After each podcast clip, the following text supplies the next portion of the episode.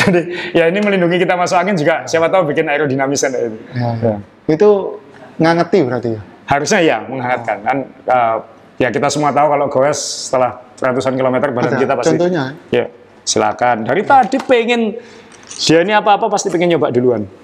Ya kan ini kan employable. Employable. Baru,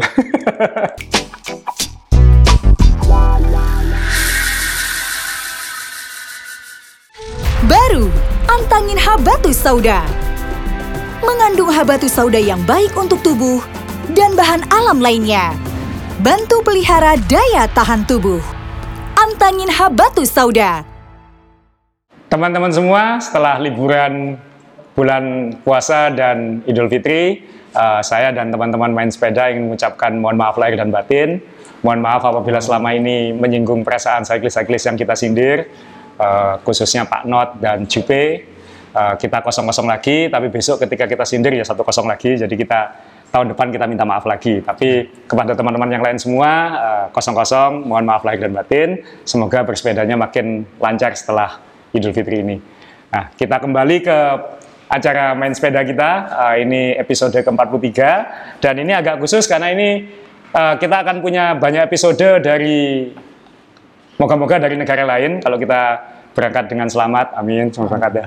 Kayak gitu. Jadi kita akan uh, mohon dukungan dan doanya karena kita bertiga di sini ada saya Azrul Ananda, Om Johnny Ray yang sudah tahu dan ada Om John Bumi Harjo partner saya founder Wednesday Bike, kita akan berangkat ke Kansas di Amerika Serikat. Kita akan mengikuti event namanya Unbound Gravel.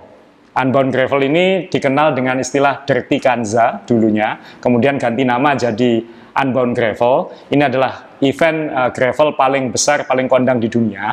Kita sudah menantikan ini sekitar tiga tahun sebenarnya karena kita sudah sudah lama pengen ikut, tapi karena memang untuk ikut itu butuh semacam lotre, kita baru diterima di akhir 2019 ya. Ya. Kita baru diterima pendaftarannya akhir 2019 untuk ikut tahun 2020.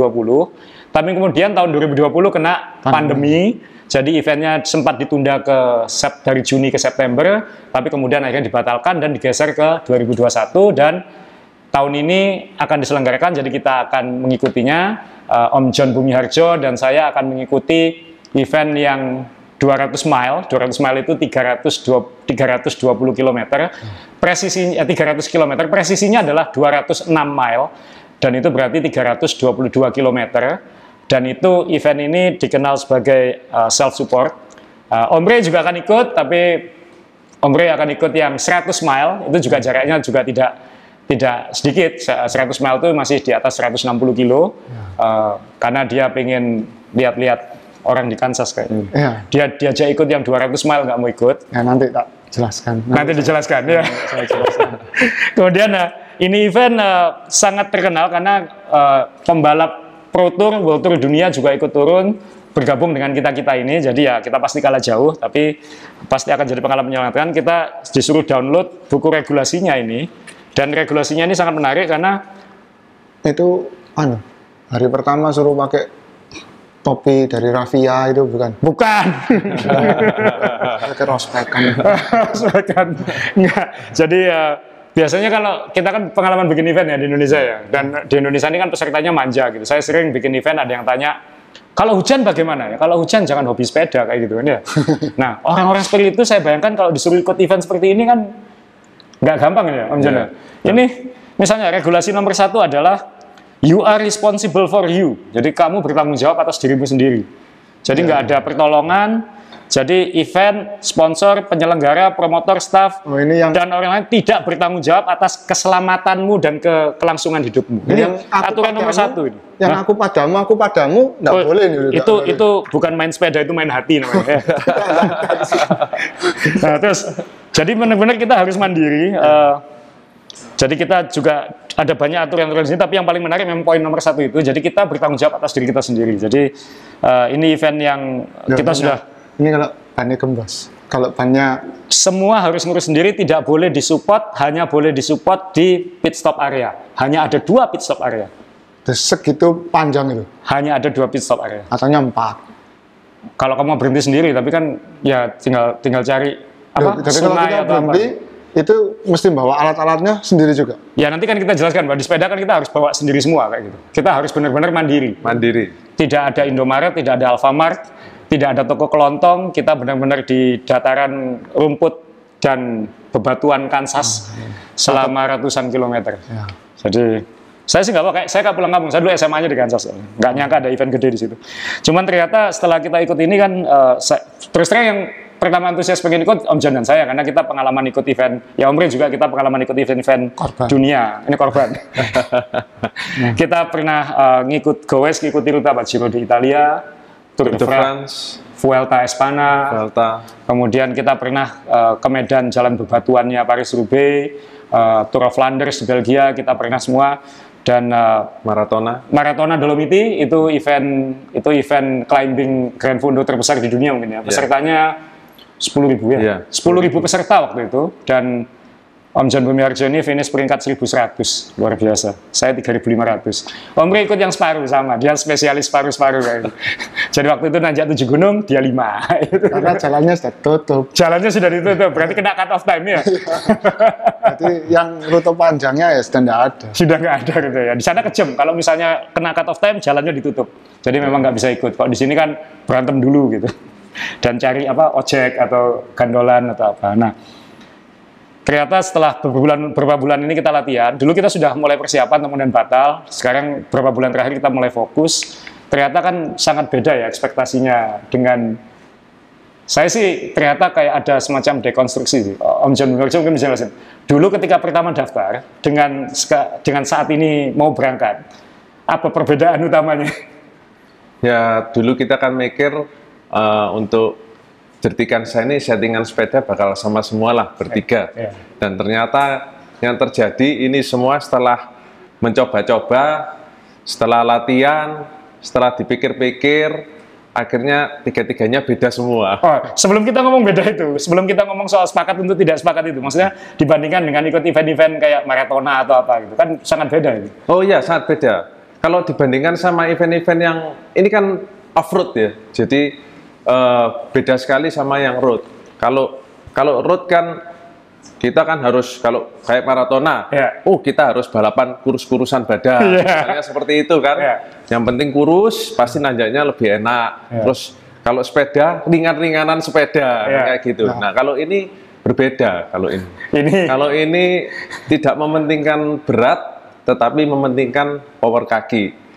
Salah satunya itu. dan ketahanan badan. Dan ketahanan badan karena ini termasuk ultra endurance. Ultra endurance ya. Jadi kalau lari ini bukan maraton, ini ini nggak tahu saya saya bukan pelari. Jadi mungkin yang jelas ini lebih berat dari maraton kira-kira. Gambarannya tuh cut off time-nya atau berapa Oh ya, lama? jadi eh, untuk yang 200, eh, saya nggak belajar yang 100 karena yang 200 mile, eh, 322, 320 kilo tepatnya nanti itu kita diberi waktu 21 jam ya. untuk selesai. Satu Start jam hari 6 itu pagi. 24.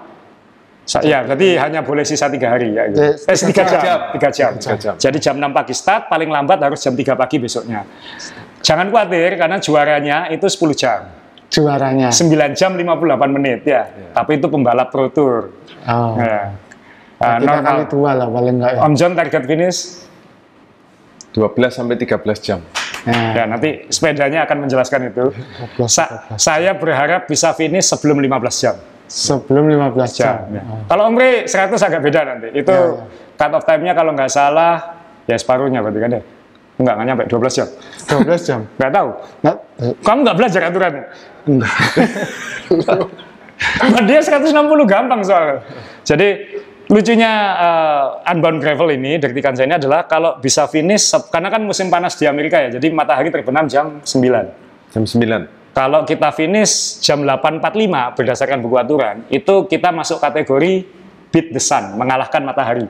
Jadi kita finish sebelum matahari terbenam. Jadi itu 845 malam. malam Itu masih ada matahari. masih ada matahari karena musim panas di Amerika Itu berapa itu. jam, Bro? Itu 14 jam 45 menit. Jadi kalau bisa 14 jam 45 menit, berarti mengalahkan matahari kayak gitu. Nah itu targetnya John. Saya pokoknya bisa mengalahkan matahari. Itu sudah luar biasa. Oke. Tapi jangan sampai kalau tapi realistisnya mungkin adalah antara jam 9 sampai jam 12. Target saya sih kalau bisa paling lama ya 16 17 jam kayak gitu. 16. Nah, itu masuk kategori midnight namanya karena finish sebelum tengah malam. Oke. Nah, pasti banyak yang bablas sampai kan pesertanya 3.000 orang. Ya. Pasti ada yang bablas eh, lewat tengah malam, dekat-dekat dekat-dekat cut off time jam 21 itu. Eh jam jam ke-21, jam 3 pagi. Jam 3 pagi. Itu masuk kategori breakfast. Oh. Jadi ada tiga kategori. Yang lain sudah tidur, dia baru mau Baru finish. finish. Baru finish. Kemudian podium seremoninya jam 8 pagi. Oh. Ya. Jadi yang lain tidur dulu nungguin yang lain finish, bangun podium seremoni kayak gitu. Oke, oke. Luar biasa ya. Ya, luar biasa. Ya, jadi ya ini memang event gravel grinder paling paling top di di dunia sekarang. Eh, dan tadi Om John sudah menyinggung, eh, tapi seneng kan bahwa kita nggak harus kurus-kurusan. Aku tahu kamu sengsara banget setiap kita mau pergi itu, karena kan pasti nanjak ke gunung-gunung ya. Ya. Ini di belakang kita ini di Bensi Cafe ada foto besar. Kalau teman-teman lihat, ini foto eh, Passo dello Stelvio. Ini kita tahun 2017 ya, ya? 2017. Ini kita nanjak, ini perbatasan Italia dan Swiss. Jadi waktu itu kita benar-benar persiapannya tuh pengen kurus segala macam gitu. Omri sampai mau beli jas katanya. Takut nggak pulang katanya. Jadi ini ini tajanda. Ini nggak ini nggak sama sekali. Ini nanti di foto eh, kita tunjukkan fotonya setelah ini foto-foto jalanan kerikilnya dan lain-lain itu dan jalan kerikilnya itu bukan kerikil biasa. Menjelaskan gravel itu susah untuk orang-orang di Indonesia. Eh, karena ya jalan makadam sebenarnya, tapi nggak nggak terlalu banyak. Mungkin di Kalimantan banyak yang John. Di Kalimantan nggak terlalu juga. Nggak terlalu juga, jadi agak agak sulit menjelaskan. Di Amerika banyak sekali jalan kayak gitu, ribuan kilometer. Jadi batunya batu-batu kerikil di Kansas itu batu mata panah itu. Jadi benar-benar nanti soal ban yang kita akan debat paling banyak. jadi kita benar-benar harus eh, karena kita di sini kita nyiapin sepedanya juga juga setengah berdasarkan YouTube, referensi teman, referensi industri dan lain-lain. Tapi nanti ketika sampai sana masih bisa berubah dikit-dikit kayak gitu. Jadi ya moga-moga nanti eh, kita kita siap. Nah ini sebelum kita, nah ini kita sudah membawa tiga sepeda kita di sini. Jadi kita di ini akan semacam acara bedah setelan Unbound Gravel, bedah setelan Kansas. Jadi sepedanya tadi Om John sudah bi- bilang bahwa kita dulu sepakat mau sama ya pelek sama, ban sama, grup set sama, setelan sama supaya kalau ada apa-apa bisa saling pinjem, saling nolong kayak gitu. Misalnya Omre setelah 100 mile finish, saya masih saya sama Om John masih jauh, jadi kita harus butuh sesuatu yang kita bisa pinjem, Ya, kita bisa preteli sepeda bisa preteli sepedanya Omre. Nah, tapi benar kata Om John Bumiarjo bahwa pada akhirnya setelah berbulan-bulan berminggu latihan, kita sepakat untuk tidak sepakat tiga sepeda kita beda. Yang sama hanya frame-nya, Ya. Wednesday Journey Titanium, Ya. eh, sama bannya. Tapi ban ini juga nanti masih bisa berubah, Berubah lagi, lagi. di sana karena kita nggak tahu nanti hujan atau tidak, eh, kering atau tidak, karena itu bisa menentukan pilihan. Nah, emang kalau hujan beda lagi ban. Bisa beda, bisa yang lebih pacul lagi Oh, kalau hujan. 2018 hujan soalnya. bawa gitu. beli di sana. beli di sana. kita kita mau mau nggak mau harus kan ada untungnya ada pameran sepedanya jadi kita bisa Kenapa bannya sama? Karena ya sama-sama enggak, saya enggak ngerti ya. Kalau ban 700 itu modelnya bagaimana untuk ban paculnya. Jadi ya ketika Om John Bumiarjo beli, ya saya titip, Om Masul beli ya saya titip aja. Jadi makanya bannya sama. Coba saya ada waktu untuk meriset sendiri, mungkin sama bannya juga Beda semua. Ya, jadi nah kita juga terima kasih kita berangkat nanti disupport oleh uh, perusahaan-perusahaan Indonesia uh, khususnya nanti Herba Mojo yang menjadi partner utama uh, tim kita nanti di sana. Uh, kita pakai nama Indonesia School of Suffering. Jadi nanti uh, kita akan pakai jersey Indonesia dengan ada sedikit motif batik, dengan sedikit dengan motif batik, lalu uh, nanti ada Indonesia, ada logo Herba Mojo dan kita juga disupport oleh Antangin. Kebetulan Antangin yang ikut sering ikut event sepeda di Indonesia mungkin paham. Uh, Antangin sering uh, menjadi partner uh, event-event sepeda di Indonesia di Jawa Timur, di Jogja dan di kota-kota lain. Jadi karena memang Pak Mulyo Raharjo uh, CEO Deltomed ini memang fans sepeda ya, Bro ya.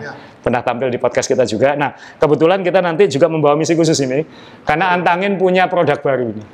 Namanya Namanya Antangin Habatu Sauda. Tulisannya kan itu, Habatu Sauda. Ya, apa tuh? jinten hitam. Boleh nyoba?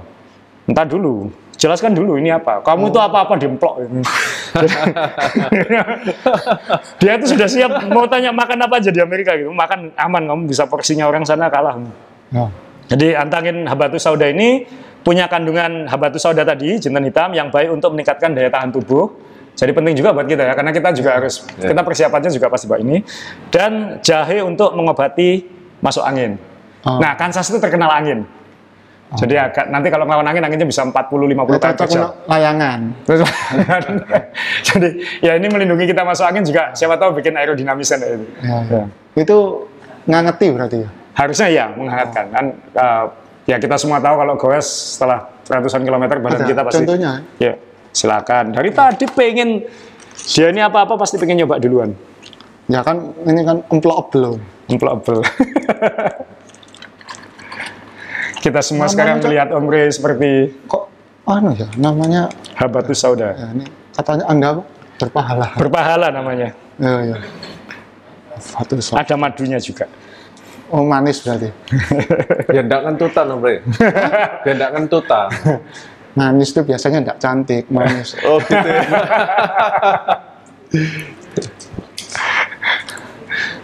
Aman. ya, ya. Hampir sama tapi rasanya sama yang lain. Sama normal seperti antangin ya. Iya. Kita kan selalu kalau mau goes pagi-pagi biasanya antangin dulu sih teman-teman. Aman. Nah, Ya. Udah. Baru sana lah. ya, jadi eh, kita terima kasih kepada Deltomed. Eh, nanti Antangin juga akan menemani kita di sana. Di jersey kita ada logo Antangin. Nah, sekarang kita ke sepeda masing-masing. oh, Oh ya, kita nanti juga pakai jersey buatan Indonesia, pakai sub jersey. Jadi kita akan pakai eh, sepeda merek Indonesia dan jersey buatan Indonesia. Kita semua pakai Wednesday Journey Titanium. Jadi pakai titanium karena ya lebih aman karena medan off road kalau pakai karbon ada apa-apa kita akhirnya memutuskan pakai. Kalau tahun lalu berangkat kita pakai yang karbon. Oke, yang karbon. Tapi karena kita tahun ini baru tahun ini baru bisa berangkat, jadi kita pakai yang titanium. Ya, Om Rey silakan. Om Rey pakai sepeda yang paling minimalis di antara kita. selain tampilannya, Om, frame-nya juga mungkin paling kecil di antara kalian. Ini 150. 150 ya. Anda 5, 52. Ya. John 55. Lima. Jadi hmm, kenapa titanium? Kalau menurut saya ada kelebihan tersendiri dari titanium karena eh, tas sepeda kita itu nah pakai helium ya karena kalau keluar negeri kan paling ringkas pakai helium Ya, kita pakai tas uh, soft case nanti ya. soft case. Nah kalau soft case sama frame karbon itu kita agak Ada risiko lah. Ya. ada risiko karena kalau kekuatan rangka utamanya tetap dari frame sepeda itu sendiri. Kalau framenya dari titanium, niscaya akan lebih kuat daripada karbon. Jadi Jadi travelnya aman. travelnya cenderung lebih aman, Ya. cenderung. Cuma yang nggak tahu lagi. Tapi kalau ada apa-apa sama sepeda saya, saya belum tentu sedih. Nah, jadi Kenapa nggak nggak jadi goes? Beli di sana lah. ya, silakan, silakan. Nah kalau ini sepeda saya, saya bangga sama seat pushnya karena seat pushnya ini seat push dari merek ternama di Amerika dari Ericsson. Kalau saddle-nya dari Physic Ergo Vento. Eh, kenapa pakai ini ya? Karena saya biasanya pakai saddle, saddle-nya sudah ini. Saya takut kalau ganti nanti mencederai bagian-bagian penopang kaki. Jadi eh, saya tidak berani ganti saddle. Nah, lalu untuk wheelsetnya saya pakai samal karbon. Kenapa samal karbon? Karena ini satu-satunya wheelset yang mas yang kompatibel sama eh, grup set khusus gravel dari Kampak Nyolo ini. Jadi memang grup set ini sprocketnya 13 jadi lihat ya ini kayak dari mulai kecil sampai gedenya seperti chainring ini, ini 13 speed. Nah, sebagai kompensasi akhirnya chainringnya cuma satu karena gravel. Kenapa satu? Supaya kalau gravel itu kan banyak apa? Biasanya rel diarulurnya ini kan sering mentul-mentul gini. Kalau gen genringnya dua, biasanya kalau ada masalah sering terjadi, ada kemungkinan terjadi masalah di front derailleurnya. Jadi meminimalisasi masalah yang terjadi. Nah ini saya lebih senang kan pakai selera saya pakai kampak dulu. Jadi ini grup set spesial untuk gravel dari Campy yang baru. Buktinya baru, ini masih ada stikernya. Nah, ini masih ada stikernya ini ya, kelihatan. Itu pakai chainring ukuran berapa? Ini chainring 44. 44 di depan, belakangnya sprocketnya Oh, 942. 9442. Iya, Bukan 46 itu. enggak, 42. 942. Uh, Bukunya ngomong 42 sih. lihat. ya. Terus kalau untuk pedalnya saya pakai ini pedal lama saya Keren Brothers Candy 11. Bottle cage-nya ini sponsorship dari Wednesday saya enggak tahu tipenya. King Cage. King Cage. nah, King Cage Steel ya. Kenapa saya juga milih yang paling kecil karena yang paling bisa rendah itu size ini. Kalau saya pilih size yang lebih besar, nah, badan saya kurang bisa nunduk. Bukan karena saya senang kenundukan karena kaki saya pendek, jadi nggak ketemu nanti eh, posisi badan saya di atas sepeda. Gitu. Jadi saya milih sepeda yang lebih kecil dari yang biasanya kalau tinggi saya itu seharusnya 52 atau 54 malah. Iya. saya pakai yang dikecilkan 50 kenapa sisa atasnya masih banyak? Karena waktu itu masih men-setting sepeda ini masih bingung. Mau dibikin nyaman atau dimiripkan dengan road bike saya. Akhirnya saya milih untuk dimiripkan dengan road bike saya. Akhirnya mentok ke top tube-nya ini. Ke headsetnya maksud saya Da- eh, stemnya ini panjangnya 12 eh, untuk mengimbangi pendeknya top tube jadi stemnya 12 handlebarnya memang handlebar gra- gravel tapi tidak yang terlalu lebar. Jadi ya keluar sedikit aja. Karena cuman single chainring shifternya cuman ada di kanan aja. Nah, seperti ini cuman ada kanan jadi kirinya bersih. Untuk rem saya masih ngikuti orang Inggris jadi kanan depan kiri belakang. Itu settingan saya. Beda dengan normal di Indonesia ya. beda. Eh. soalnya ini kalau kalau pindah ke sepeda motor lebih gampang. Kan remnya sepeda motor kanan depan. Ya. Kalau Om Rey nanti nggak pakai saddleback ya Om Eh, Iya, ini kok nggak ada saddlebacknya? Ini kan kalau event gravel grinder kan sangunya banyak. Kamu kan sangunya biasanya banyak. Emang cukup kantong? nah ini saya nggak tahu harus bawa apa nanti kalau beli nanti saya minta sponsor belikan di sana lebih bagus-bagus gitu. Jadi dia mau beli di sana. Jadi uh, karena pilihannya memang lebih banyak dan nanti iya. mungkin lebih sesuai ya, benar sih. Pinter dia. Alasan dia mau belanja nanti. ya, jadi uh, karena pakai bannya jelaskan karena nanti bannya kan kita sa- saat ini masih sama. Ini bannya Maxxis Rambler ini. Ya. 700 kali 40 C. 40 mm ya. Ya, ini pernah saya coba di aspal. Jalan 25 aja capeknya setengah mati. ya, karena itu juga saya akhirnya mantap untuk memilih rute 100 mil. Karena saya tidak bisa bayangkan naik ban ini 200 mil itu gimana rasanya. Kan nanti nggak di aspal. Justru itu lebih lagi yang aspal aja susah, apalagi tidak aspal. ya. Jadi ini setelannya Om Rey. Ini Om John, saya saya lihat ada satu dia yang yang nggak sama kayak kita. Apa itu? Dia nggak pakai power meter. Oh iya, Oh iya. nggak perlu. Kenapa? Ya ngapain? Om tinggal di handphone aja. Ya cuma 160 soalnya ya. 160 Nah, kan kilo. kalau sekarang power meter gunanya apa dulu? Untuk ngukur energi. Ah. Kalau energinya habis, apa yang harus Ya kita lakukan? minimal mengantisipasi energinya, jangan berlebihan. Kalau saya gampang, sediakan makan yang banyak. Jadi energi ha- kalau energinya habis sama dengan lapar ya. Nah, kalau mobil tangkinya habis kan petunjuknya ada lampunya itu ya. Iya. Kalau kita kan bunyi kerak kerak gitu ya. Nah, itu saatnya ngambil ngambil sangu sangu ya toh. Minum madu. atau Jadi kamu nggak perlu power meter karena ada alat ukur energinya lebih reaktif di sini. Iya itu buatan buatan yang maha kuasa.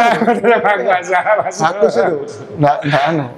Tapi jangan kaget kalau nanti di sana beli power meter sebenarnya kayak gitu. Nah, itu bisa jadi kan titipan orang. Nah, Oh, oh, belum tentu buat saya itu. jadi ini ini setelan ombre eh, lebih paling root di antara kita semua ya. Paling root di antara kita semua, tapi ya kita nanti akan lihat soal ban di sana. Iya. Ya, geser ke saya. Nanti yang terakhir Om John Bumiarjo karena setelan dia paling ekstrim karena dia ngejar waktunya lebih spesifik tadi 12 jam, 13 jam Eh, dan itu dia akan ikut setelan yang lebih pro. Nah, kalau saya eh, waktu mau berangkat saya latihan eh, kita berkali-kali latihan 200 300 km sudah dalam beberapa minggu terakhir sebagai persiapan dan saya sempat gonta-ganti grup set juga eh, setelan khususnya karena di Dirty Kanza di Unbound Gravel itu ada dua aliran grup set. Ada yang pakai single chainring seperti Om Ray tadi untuk meminimalisasi masalah pada FD, pada front derailleur. Karena kalau kena batu atau kena lumpur atau kena apa, yang masalah biasanya di situ. Jadi mereka supaya tidak masalah pakai single chainring. Ada yang bilang juga bahwa kalau alirannya dari MTB, gravel itu kan ini MTB, ini road, dia semua tengah-tengahnya gitu. Kalau yang dari MTB, dia akan milih single chainring kayak MTB karena dia sudah terbiasa dengan perbedaan cadence yang agak jauh antara satu gear dengan yang lain. Nah, saya datang dari sisi road dan saya road road ortodok saya nyebutnya, saya road garis keras kayak gitu.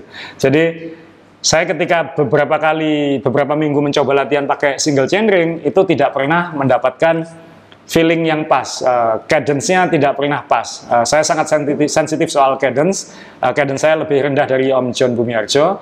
Dia bisa nyaman di 90-100, saya nyamannya di 80-90. Uh, jadi setelah pertimbangan berat, akhirnya saya putuskan saya ganti lagi ke double chainring. Jadi uh, ini sepedanya Wednesday Journey Titanium sama seperti Om Ray. Saya pakai size 52, benar, uh, satu ukuran lebih besar dari dari Om Ray, uh, sedikit lebih besar. Uh, dan kemudian yang saya sampaikan tadi, saya menggunakan grup set Shimano GRX, Shimano yang memang dirancang untuk untuk gravel, yang sekarang termasuk yang paling populer di dunia untuk untuk dunia gravel. Uh, dan ini double chainring, jadi GRX double chainringnya adalah yang luar yang besar uh, 48 gigi, yang kecil uh, 31, jadi lebih kecil dari road normal. Road kan biasanya 534, 5236, 5339, ini enggak, ini 4831. Kemudian uh, sprocket belakangnya, Omre tadi karena dia single chainring, jadi belakangnya harus lebih besar. Saya pakai mirip dengan road, saya pakai 1132. Jadi paling kecilnya 11, paling besar 32.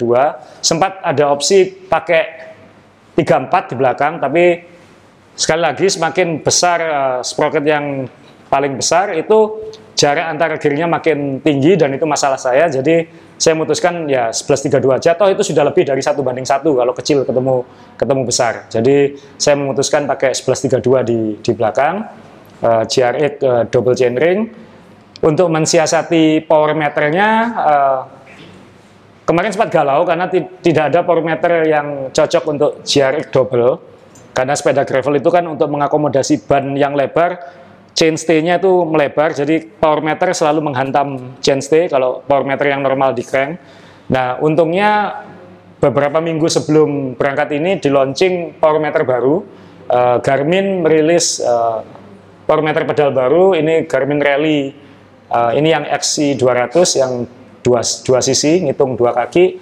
Uh, ini khusus untuk MTB, jadi pakai sepatu off-road. Jadi untung ada pedal ini, jadi memudahkan keputusan saya untuk pindah ke double chainring. Jadi ini uh, power meter yang saya pakai. Ya Om Ray mungkin perutnya uh, gampang diisi, saya termasuk susah makan kalau di sepeda. bagian saya belum datang ya. Hah? Katanya kamu mau beli di sana nanti. Kan Garmin perusahaan Kansas loh, jadi nanti tempatnya di sana loh nanti. Oh, ya. kamu bisa beli nanti di sana. Saya nunggu giveaway aja. Jadi ini pedal power meter, saya butuh power meter karena saat latihan uh, gowes 300 kilo itu beda dengan 50 atau 100 kilo. Kita harus benar-benar bisa memanage berapa daya yang kita keluarkan. Misalnya FTP saya kan nanggung, saya 250. sekitar uh, saya 256 jadi sekitar 250 jadi saya selalu uh, mencoba menjaga tidak lebih dari 80 persen jadi kalau saya bisa manage menahan di 80 persen dari FTP itu saya tidak akan habis. Itu jadi target saya kayak gitu kenapa saya butuh power meter? Supaya saya punya angka presisi uh, bisa seperti apa. Om John Bumiarjo FTP-nya 300 jadi dia dia lebih mudah mengatasi defisit powernya single chain saya saya punya masalah masih jadi saya akan menggunakan power meter untuk saya akan disiplin dengan power saya. Saya akan disiplin dengan power saya. Misalnya saya akan membatasi tidak boleh lebih dari 220 misalnya kayak gitu selama perjalanan. Kecuali ketika melewati tanjakan-tanjakan demi kelangsungan finishnya. Karena target saya tetap saya berharap bisa finish sebelum matahari terbenam kemudian saya juga uh, punya opsi di belakang uh, sama dengan nanti sama dengan Om John ini. Uh, saya pakai wheelset NV G23 G23 ini wheelset NV khusus untuk gravel. Uh, kenapa namanya G23 G nya gravel 23 nya adalah bagian dalamnya tempat menya, uh, tempat ban terpasang itu 23 mili. Jadi dia untuk ban yang lebar dia bisa ban bisa duduk lebih baik. Jadi memang ini dirancang untuk untuk gravel. Jadi ini wheelset yang mungkin paling populer nanti di sana yang dipakai pembalap-pembalap profesional. Uh, dan saya kira saat latihan juga ini juga sangat ringan, jadi membantu mengkompensasi berat yang saya bawa. Jadi NV NVG G series ini G23 Uh, bannya sama dengan tadi yang dipakai Om Kay, Maxxis Scrambler uh, Silk Silk 40 mm. Jadi masih ban pacul, setengah pacul sebenarnya ini bukan yang paling ekstrim sebenarnya, tapi benar uh, ketika mencoba saya ketika latihan beberapa kali-kali pakai latihan pakai ban 40 tapi ban 40 yang masih banyak untuk road.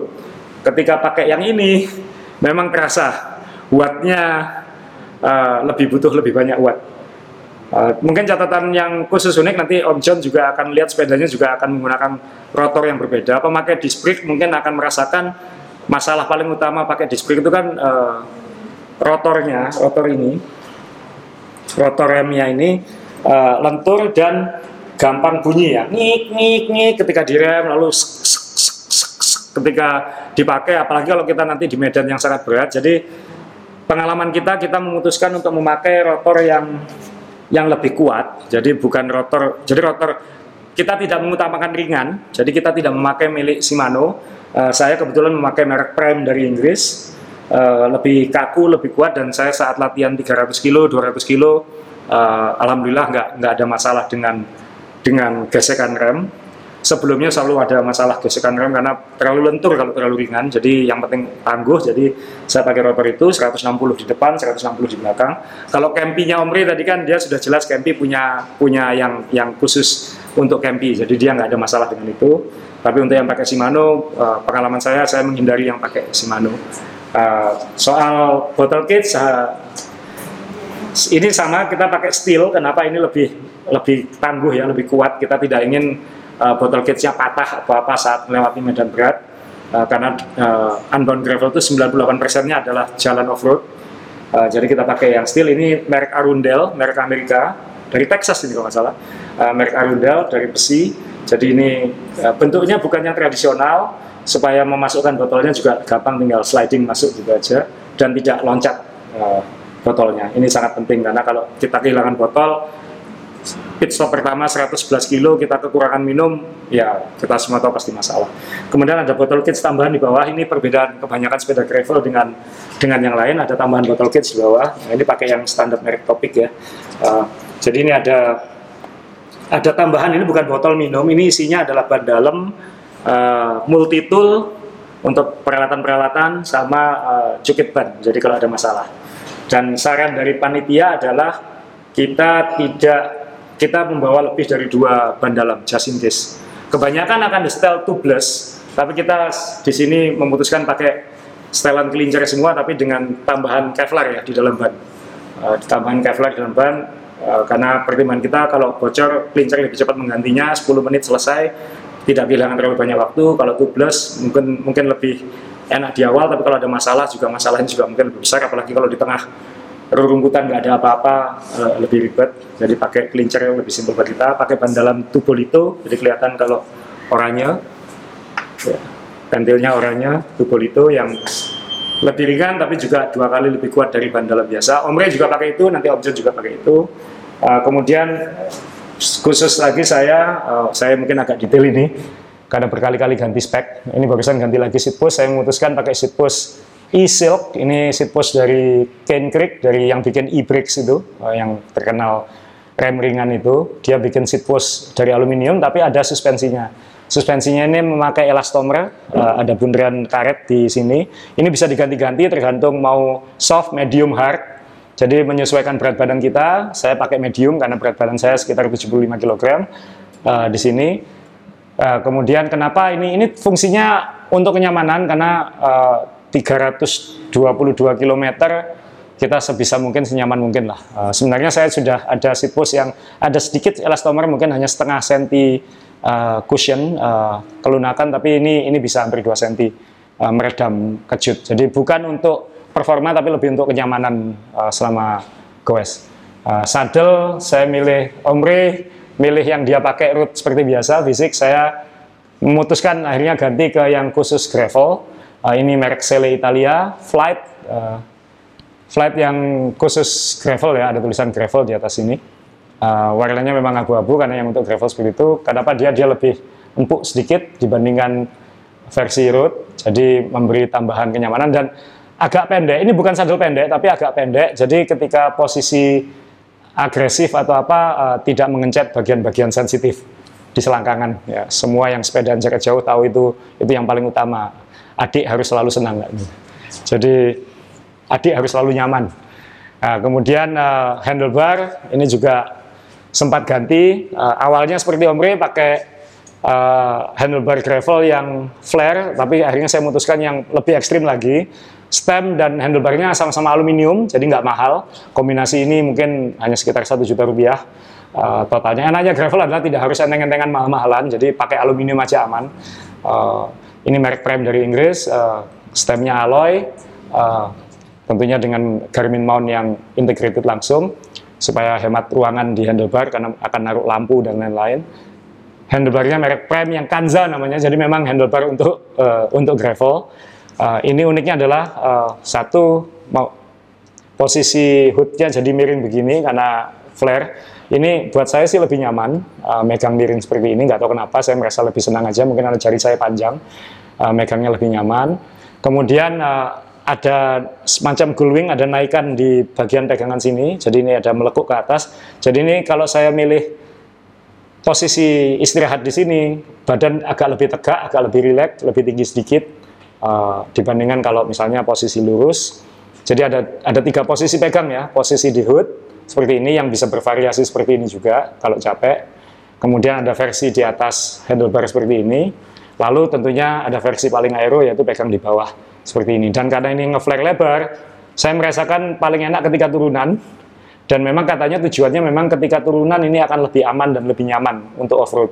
Karena pegangannya lebih lebih lebar. Dan saya merasakan memang lebih nyaman. Bar tipnya juga prime yang gravel, jadi lebih empuk. Tentunya nanti akan pakai sarung tangan yang ada busanya juga. Jadi ini setelah saya, tidak sampai habis ada sisa satu spacer di sini, uh, sudah di fitting. Lalu nanti kira-kira kita semua akan berangkat membawa banyak tas, saya pilih tas top tube yang agak besar karena nanti isinya pasti makanan, uh, kemudian just in case mungkin akan ada power bank, entah itu untuk untuk Garmin seharusnya tidak masalah, tapi mungkin untuk handphone, uh, kalau ada emergency apa-apa, kemudian untuk lampu atau untuk nanti ketika bawa kamera atau apa, mungkin bawa uh, power bank di sini. Nah, ini dan di belakang lagi ada saddle bag, meskipun sudah bawa ban cadangan tadi bawa ban cadangan lagi tambahan di sini sama mungkin uh, eh, CO2 ya apa uh, pompa gas itu di dalam sini dan membawa pompa manual di samping sini sudah dipasangkan. Jadi ini kira-kira setelannya masih bisa berubah. Kalaupun berubah nanti kira-kira yang berubah adalah uh, ban. Tapi ini masih ban itu adalah yang paling diperdebatkan di di Kansas. Uh, dan sampai sana nanti pasti akan ada ketika kita nanti nyoba rute beberapa hari sebelum pasti akan ada perdebatan lagi. Mungkin Omre pengen pakai ban kecil kan kita nggak tahu ya. Di Kansas? Iya pasti enggak ya. Enggak. rekomendasinya adalah kalau bisa lebih besar dari 38 itu itu di Kansas seperti itu. Nah ini setelah saya yang saya harapkan bisa membuat saya nyaman selama 15 jam eh, minimal.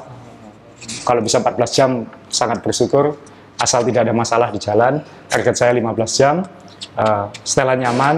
Nah, saya sempat berpikir setelannya seperti Om John, eh, tapi kemudian saya memutuskan untuk stay safe aja, yang penting saya finish. Nah ini kalau pengen tahu setelan yang paling jago, yang paling ngejar waktu dan paling aero dan latihan, ya ini manusia 187 cm ini yang akan menjelaskan sepedanya karena dia yang paling ekstrim di antara kita semua. Ya, Ya, oke. Sebenarnya sepeda saya ini sama ya, sama punya Mas Asrul. Frame-nya sama, wheelsetnya sama, pakai NV G23, bannya sama, ban dalam sama, protection ban juga sama, bottle kit sama, saddle juga sama. Sebenarnya saddle ini saya dulu pakai pabrik, tapi setelah saya tes red off-road di Bali kok, wah kena off-road gini kok adik saya juga agak teriak-teriak gitu. Terus Mas Asrul suggest saddle ini saya tes, oh memang lebih enak kalau untuk medan off-road karena ada gelnya ini lebih empuk gitu. Terus eh, untuk setelan seat post sama stem sama handlebar saya pakai full NV. Kenapa kalau pakai full NV? Sebenarnya alasannya cuma satu, biar matching semua sama, sama looknya kelihatan top. Gitu. ini ini ini paling sultan di antara semua full NV. Full NV, biar sama biar sama matching. sama sebenarnya ini agak makan Om Ri. Dia kan sepedanya paling besar 55 ya kan. Jadi paling berat kan. Ya. Kompensasinya ya komponennya yang paling mahal supaya paling enteng kan kayak gitu. Ya, ya, ya. Nah, NV juga punya punya handlebar yang untuk gravel spesifik, jadi dia agak flare gitu. Terus, eh, nah yang yang paling berbeda dari semuanya, saya pakai ada TT bar di sini. Kenapa pakai TT bar di sini? Karena kalau kita posisi begini, Ha, ya. itu lebih aero. Enggak, Om. Itu salah, Om. Loh, lebih aero. Anda, Anda sudah potongannya paling aero di antara kita. Enggak, Bukan. dia sebenarnya paling aero, tapi masa dia harus pakai helm. Oh. helm itu bikin dia nggak aero gitu. Ya, Ya. ya. Ya, jadi, Jadi nanti nggak pakai, jangan nggak pakai helm loh. oh iya, iya, pasti pakai. Saya harus pakai Ya. helm. Ya. Jadi ketika ketika posisi badan begini, itu saya merasa lebih rileks di bagian pundak. Jadi Oh. lebih rileks di pundak, terus anginnya juga tidak tidak sekencang kalau kita posisi di atas. Dan kalau saya lihat dari tes sebelumnya itu wattnya juga lebih kecil waktu kita posisi di sini. Wah, CC kebahas. Gitu. Nah, terus kenapa kok saya pilih tipe yang begini? Ini TT bar ini ada macam-macam. Kebetulan ini TT bar juga di, dikasih Mas Asrul dan Mau kasih pinjam, dan- balikin itu iya, nanti. dipinjami Mas Asrul dan ini saya sangat cocok karena petnya ini petnya ini bisa slightly di belakangnya handlebar. Jadi Ah. waktu kita posisi begini tuh karena ini bukan sepeda TT ya. Jadi posisi tangannya itu lebih nyaman daripada kalau petnya ini yang berada di depan handlebar. Itu. Jadi lebih rileks posisi bahunya. Bahunya, buat Bahunya. senden enak. Buat senden enak. gitu. Itu sendenan apa tuh? Sendenan. Enggak, Ceko, kita, ceko. kita punya teman Pak Not itu kalau nanjak gunung sampai atas selalu senden gitu yang. Aku nanti di WA. kan kamu yang di WA bukan aku. Terus tas saya pakai lebih kecil sedikit dari Mas Asrul, tapi ya ini tetap saya perlu ini tidak seperti Umri yang tidak perlu set, apa tas. Perlu, tapi nanti Terus cari. sepeda saya beda lagi adalah saya pakai One X GRX One 800 ya. ya. Terus ini untuk Kok nggak standar crankmu, Om? Iya, cranknya ini saya pakai rotor yang ada power to max power meternya, Ah, gitu. Jadi dia pakai Jadi- power meter di ini crank. Iya, power meter di crank. beli enggak buy one get one? Oh enggak. By, by two get two, saya dapat satu, cuman nggak jadi dipakai. Kamu pakai? Enggak sih, enggak, enggak. Nggak kompatibel sama punya, nggak bisa. Makanya itu. Iya. Terus untuk pedalnya saya pakai Shimano XTR itu pedal MTB. XTR, ya. Iya. Itu MTB yang paling ringan, ya. Paling ringan. Sprocketnya Om? Sprocketnya 1142, chainringnya juga 42. Jadi depan 42, Belakang 42. belakang 42, satu Iya. banding satu. Terus untuk rotor disc brake-nya saya pakai Swiss stop. Kenapa pakai Swiss stop?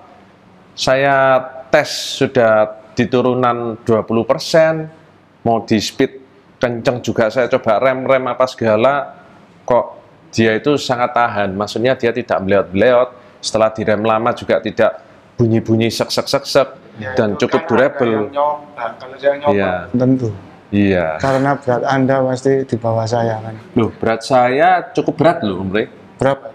saya 80 kilo Ya ya, kurang lebih. Enggak, tapi Om John ini memang punya pengalaman karena goesnya termasuk paling ekstrim. Dia sudah pernah bikin gosong rotor. ya. Dia sudah pernah Hitam. sampai hitam sampai gosong. Iya.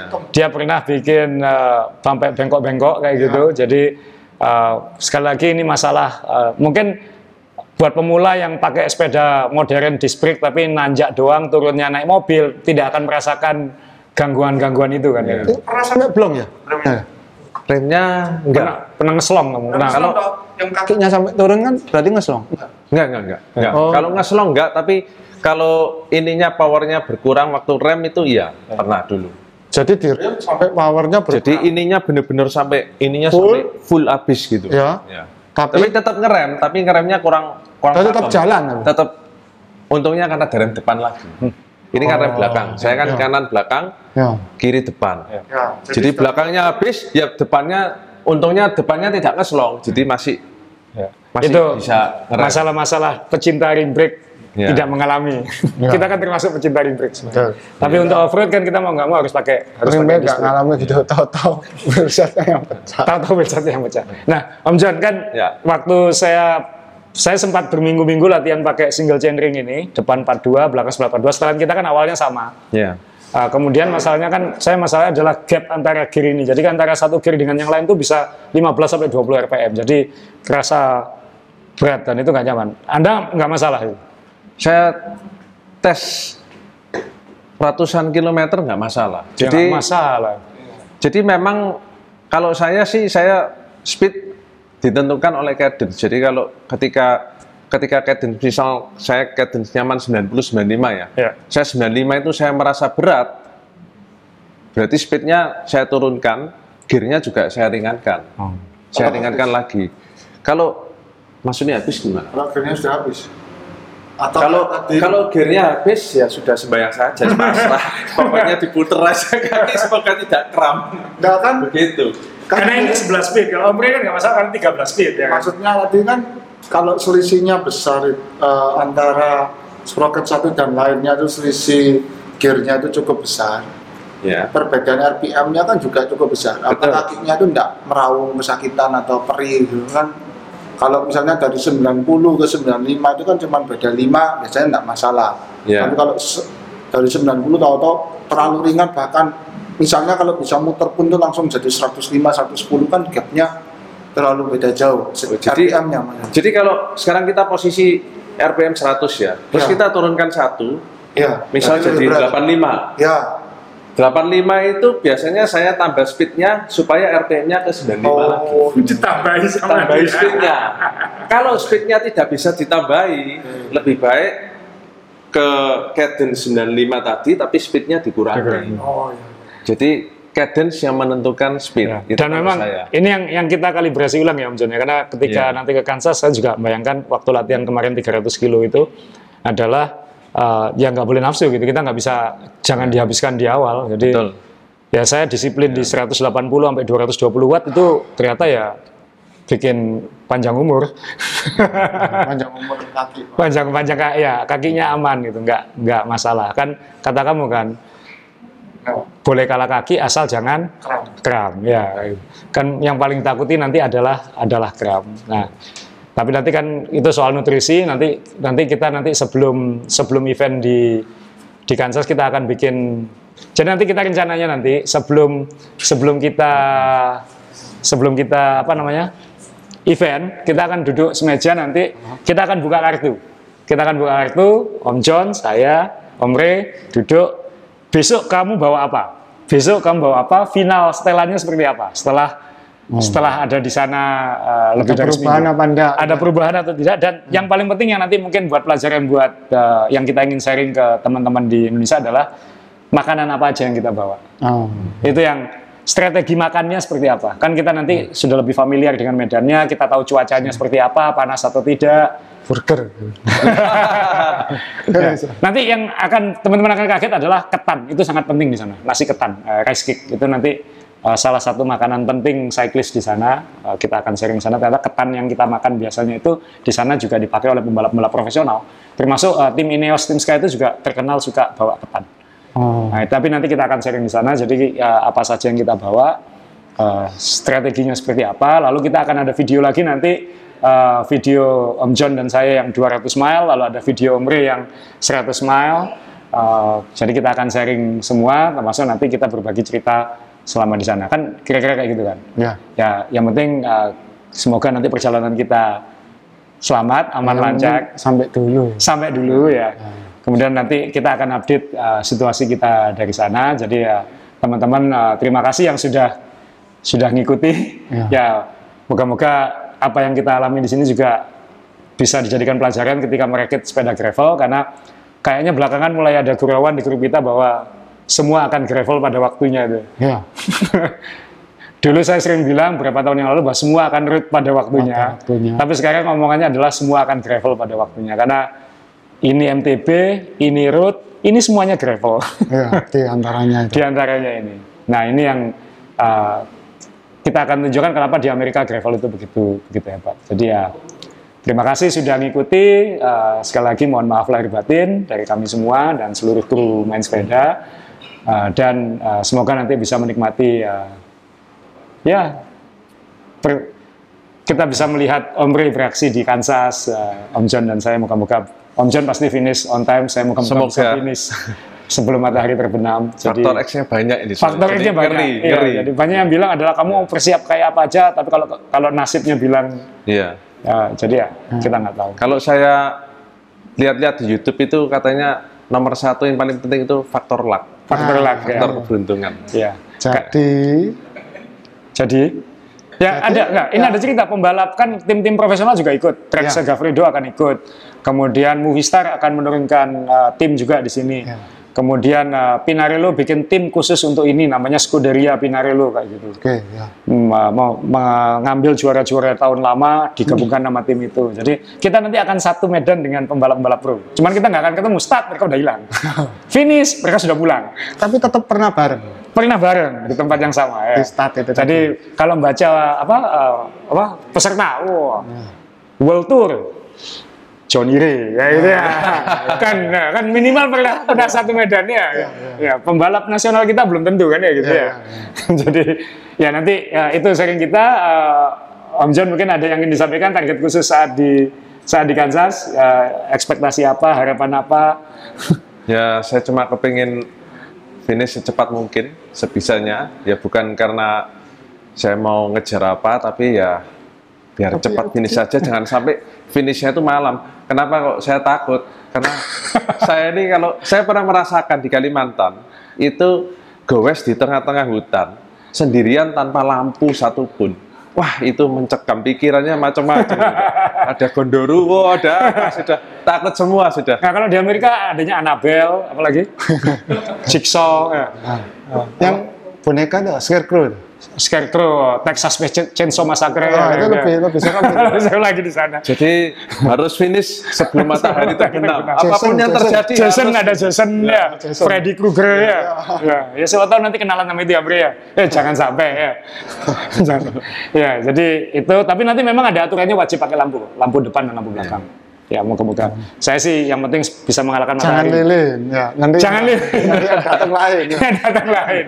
Om Ray ada yang mau disampaikan? Eh, karena tadi itu karena seremnya 200 mile itu, Ya. makanya saya ngambil yang 100. Ya. Karena saya tidak ingin memberatkan teman-teman saya kalau terjadi apa-apa. Ya, soalnya ini nggak ada tengah-tengahnya kan. Iya. Ya. 100 langsung 200. Ada yang 350. Yang ya, ya, nah maksudnya yang di Iya. ini. ya, ya. Ada yang 560 kilo DKXL namanya. Sebetulnya kan 100, 200. Ya. Sebetulnya kalau saya mungkin 100 pasti, mungkin ya mungkin. Iya. Nah, atau ya mungkin kalau saya ingin menantang diri sendiri itu idealnya 150. idealnya, tapi kan nggak ada. Pinter daripada, daripada saya memaksakan diri egois dan membahayakan diri sendiri dan memberatkan teman. Ya. Jadi saya menurunkan untuk ikut yang 100 saja tadi itu. Ya. Gitu.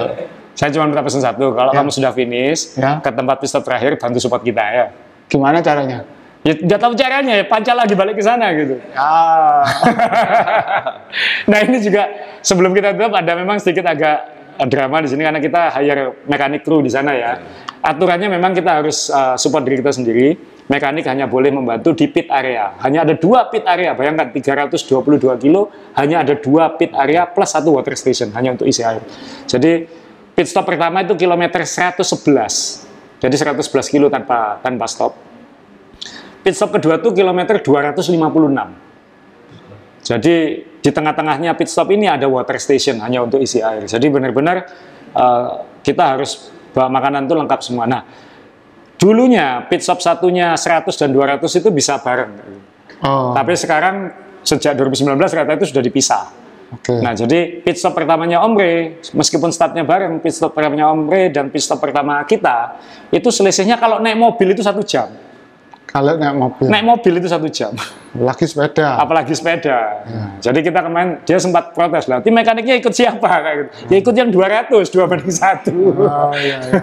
jadi, jadi nanti tinggal kita harus cari eh, kru tambahan untuk mensupport Omre. Gitu. kan. jadi dia sudah saya bilang kan ini kan stopnya terpisah terlalu jauh, nggak mungkin bisa di dua tempat kayak gitu. Kamu ikut yang 200 aja, tetap nggak mau dia. Jangan. Tetap ikut yang 100. Ya, itu saya bisa 21 jam bisa nggak cukup. ya, jadi itu dari kita. Jadi sampai ketemu nanti kita akan sharing dari sana. Terima kasih sudah mengikuti.